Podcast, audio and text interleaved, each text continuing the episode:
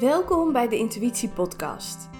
Mijn naam is Christel en ik neem je mee in de wereld van hoogsensitiviteit, persoonlijke ontwikkeling en spiritualiteit. Of je nu aan het prille begin staat of je hebt je gevoeligheid al volledig omarmd, deze podcast zit vol met inspiratie en tools die je helpen op jouw unieke pad van ontwikkeling.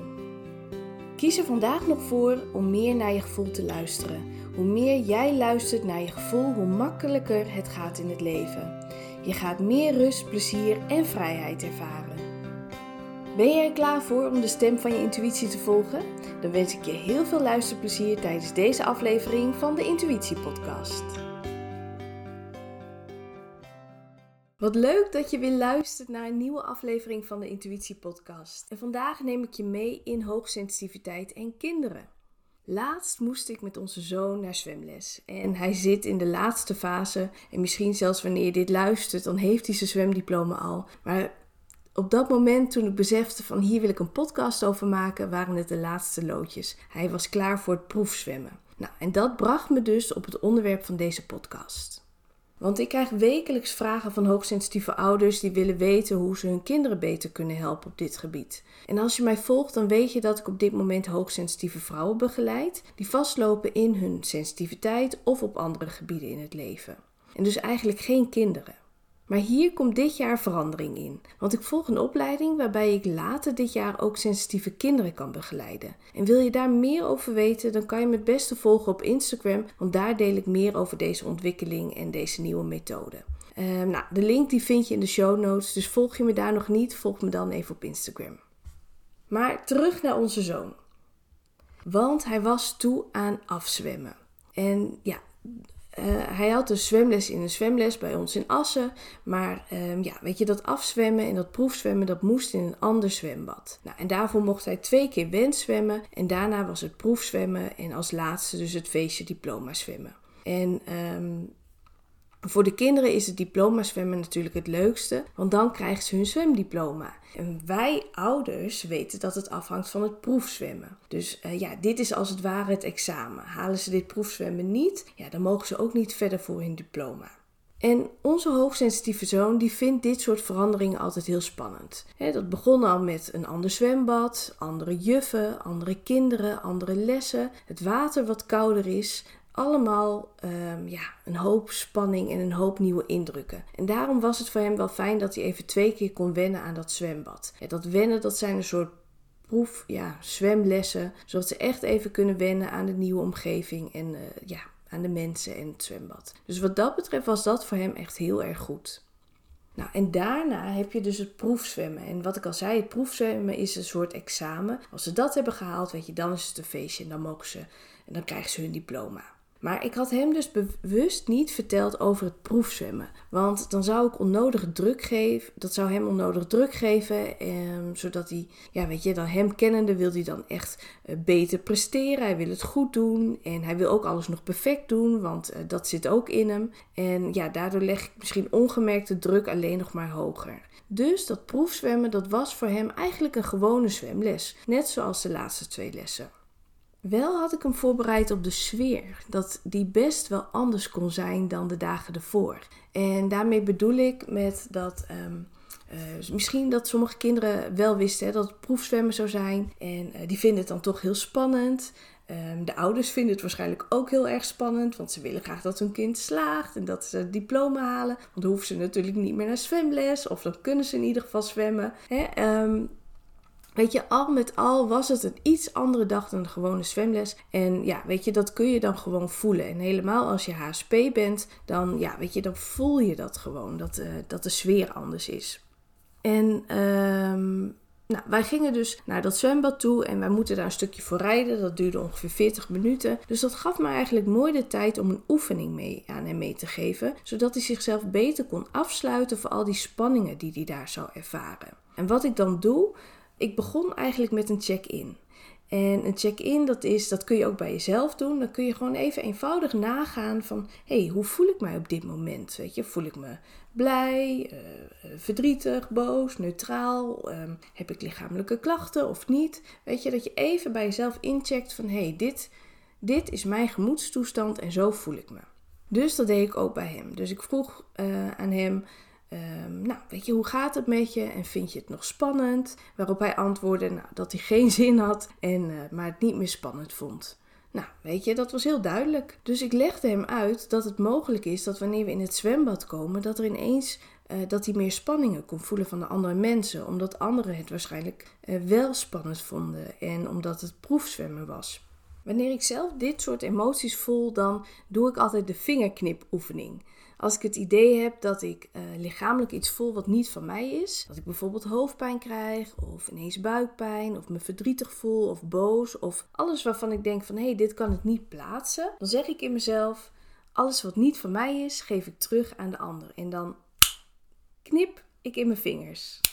En wat er dan gebeurt, is dat ik dan voel dat alles van me afvloeit. Dan um, ja, geef ik het ook weer terug aan de ander. Nou, is dat niet het geval, dan blijft het vaak nog in mijn lichaam of dan heb ik er nog last van. Ja, en dan is het iets voor mij uh, is het eigenlijk een teken dat ik weet van oké, dit mag ik voor mezelf gaan onderzoeken. Van hé, hey, waar komt dit vandaan? Maar um, ja, weet je, dit is zo'n eenvoudige oefening dat sinds ik deze oefening gebruik, heb ik in één keer veel minder last van lichamelijke klachten. Want ja, blijkbaar had ik al die jaren lang uh, van alles van anderen bij me gedragen, wat helemaal niet van mij was. Tot ik dus ging ontdekken van hé, hey, ik kan dat dus ook heel makkelijk teruggeven. En deze oefening vertaalde ik naar een kinderoefening voor onze zoon. Ik vertelde dat wanneer hij zich anders zou voelen in het zwembad, dat hij het volgende kon doen. Hij kon zeggen of denken: ik geef het terug en daarna in zijn handen klappen. Ik heb hem als het ware iets verkort en voor hem iets um, ja, meer in kindertaal gedaan. Zo heb ik het gedaan. Dus dat um, ja, weet je, zoals ik dan ben, ik ben dan zo'n moeder, dan moeten we dat ook eventjes oefenen in de auto. Weet je, ik wil dan zien en horen dat hij dat dan doet, dat hij het een keer gedaan heeft, want dat voelt voor mij dan ook van, oh ja, inderdaad, weet je, hij, het, hij kan het. Dus we gingen het even testen in de auto. Even de oefening daadwerkelijk doen. Nou, hij deed dat met frisse tegenzin, maar goed, hij deed mee, dus um, ik kon het nu ook loslaten en uh, hopen dat hij het goed begrepen had.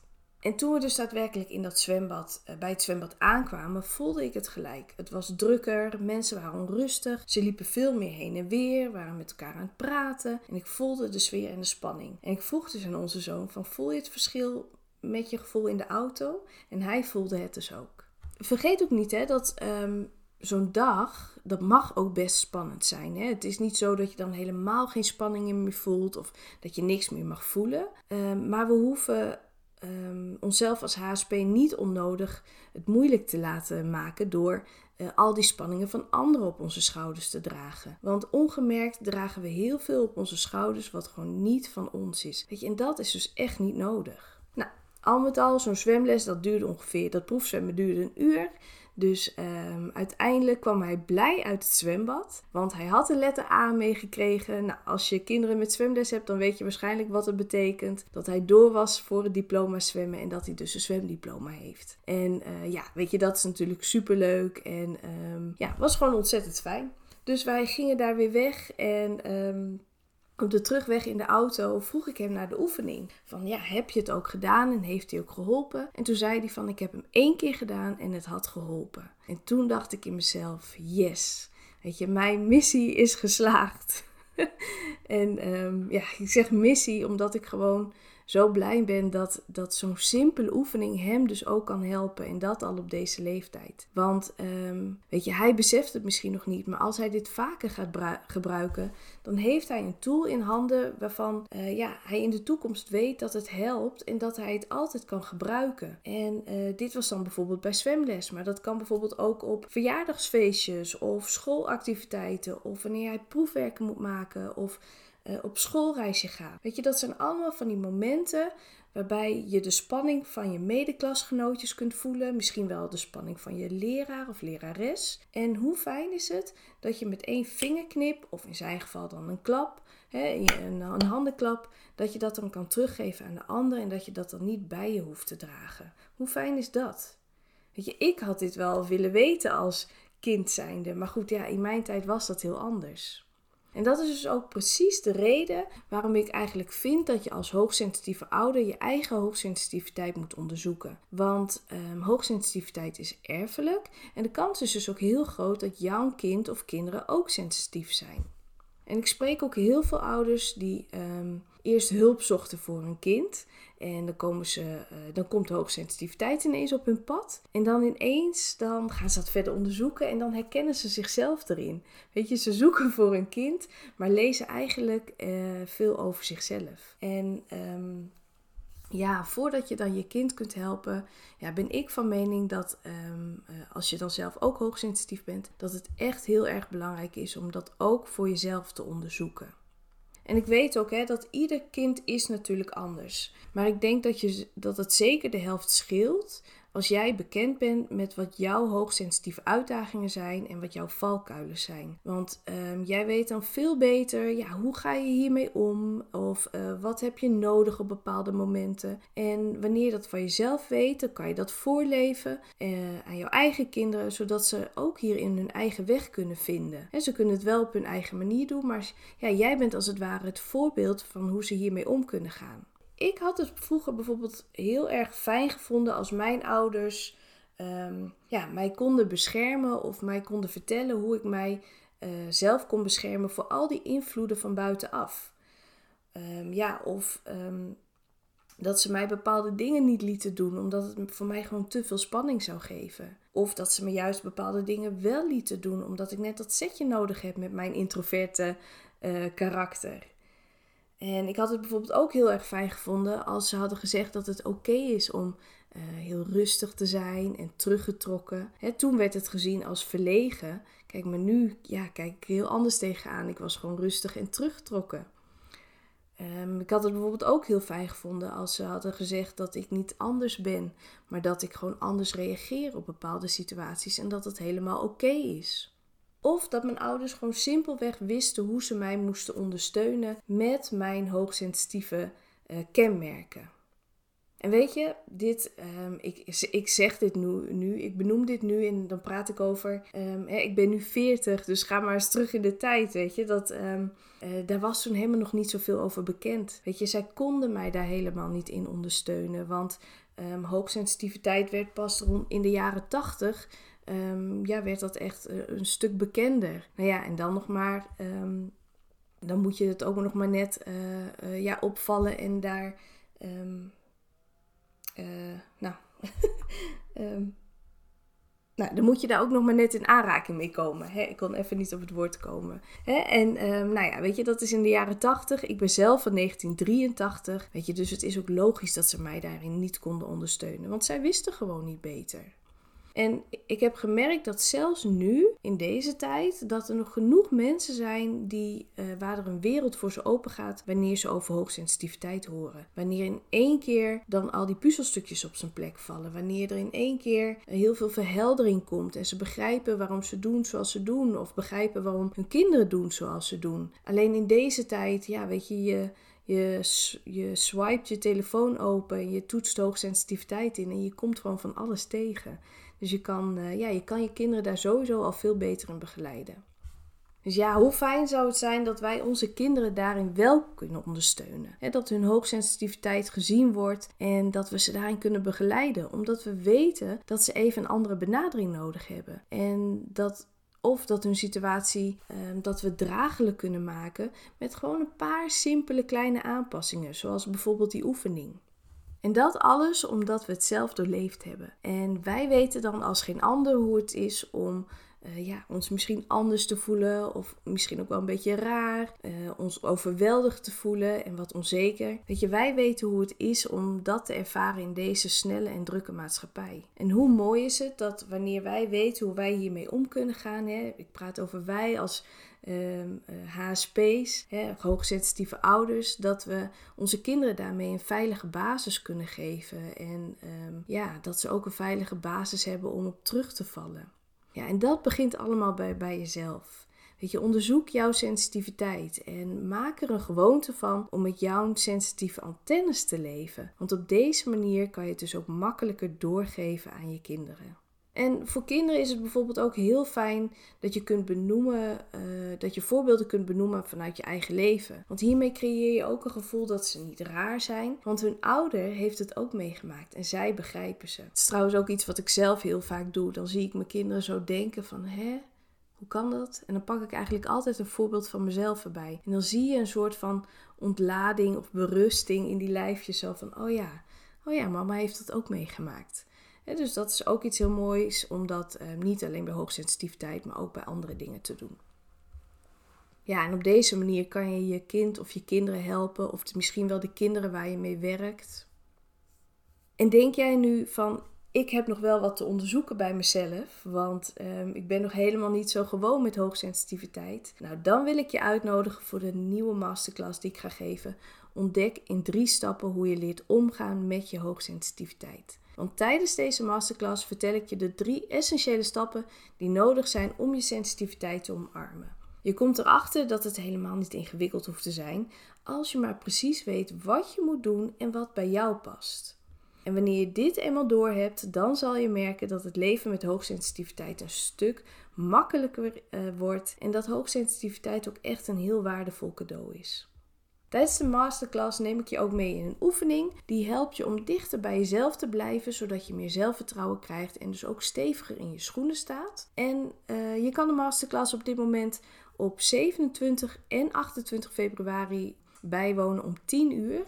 Maar uh, ja, dat zeg ik nu. Luister je dit later en zijn deze dagen al geweest? Kijk dan toch even bij de link in de show notes. Want deze masterclass die komt dus maandelijks terug. En um, ook al heb je deze data's gemist, dan is er vast al wel weer een nieuwe data uh, waarop jij je kan inschrijven voor de volgende masterclass. Ja, hij duurt ongeveer 75 minuten en hij is helemaal gratis. En um, ja, het lijkt me gewoon super leuk om je daar te zien tijdens de live uh, masterclass. Dus wil je meedoen, schrijf je dan in via de link in de show notes en dan uh, wellicht zie ik je daar. Dan zijn we aangekomen bij het einde van deze podcast. Ik hoop dat het je gemotiveerd heeft om je hoofdsensitiviteit te onderzoeken, zodat je je eigen kinderen, of misschien werk je wel met HSP-kinderen, uh, beter kunt begeleiden in hun sensitiviteit. Ik wil je heel erg bedanken voor het luisteren en uh, tot de volgende keer. Heel erg bedankt dat je deze aflevering hebt geluisterd. Ik hoop op deze manier zoveel mogelijk mensen te helpen in hun zoektocht naar hun gevoeligheid en zichzelf. Wil je geen aflevering meer missen? Abonneer je dan op dit kanaal. Je kunt ook een review achterlaten. Het helpt me om meer zichtbaar te worden, waardoor de podcast makkelijker onder de aandacht komt bij onze mede-HSP's. En onder de mensen die de tijd nemen om een review te plaatsen, verloot ik elke maand een gratis kaartreading. En deze reading helpt je bij al je vragen. En over vragen gesproken, heb je ze? Stel ze dan gerust. Stuur een mail naar info.bersamacoaching.nl of stuur een DM via Instagram. Volg je me daar nog niet? Zoek me dan even op, Bersama Coaching. En ken je iemand voor wie deze podcast ook interessant is? Deel deze aflevering dan in je stories, zodat je anderen ook kunt inspireren. Nogmaals bedankt voor het luisteren en tot de volgende keer.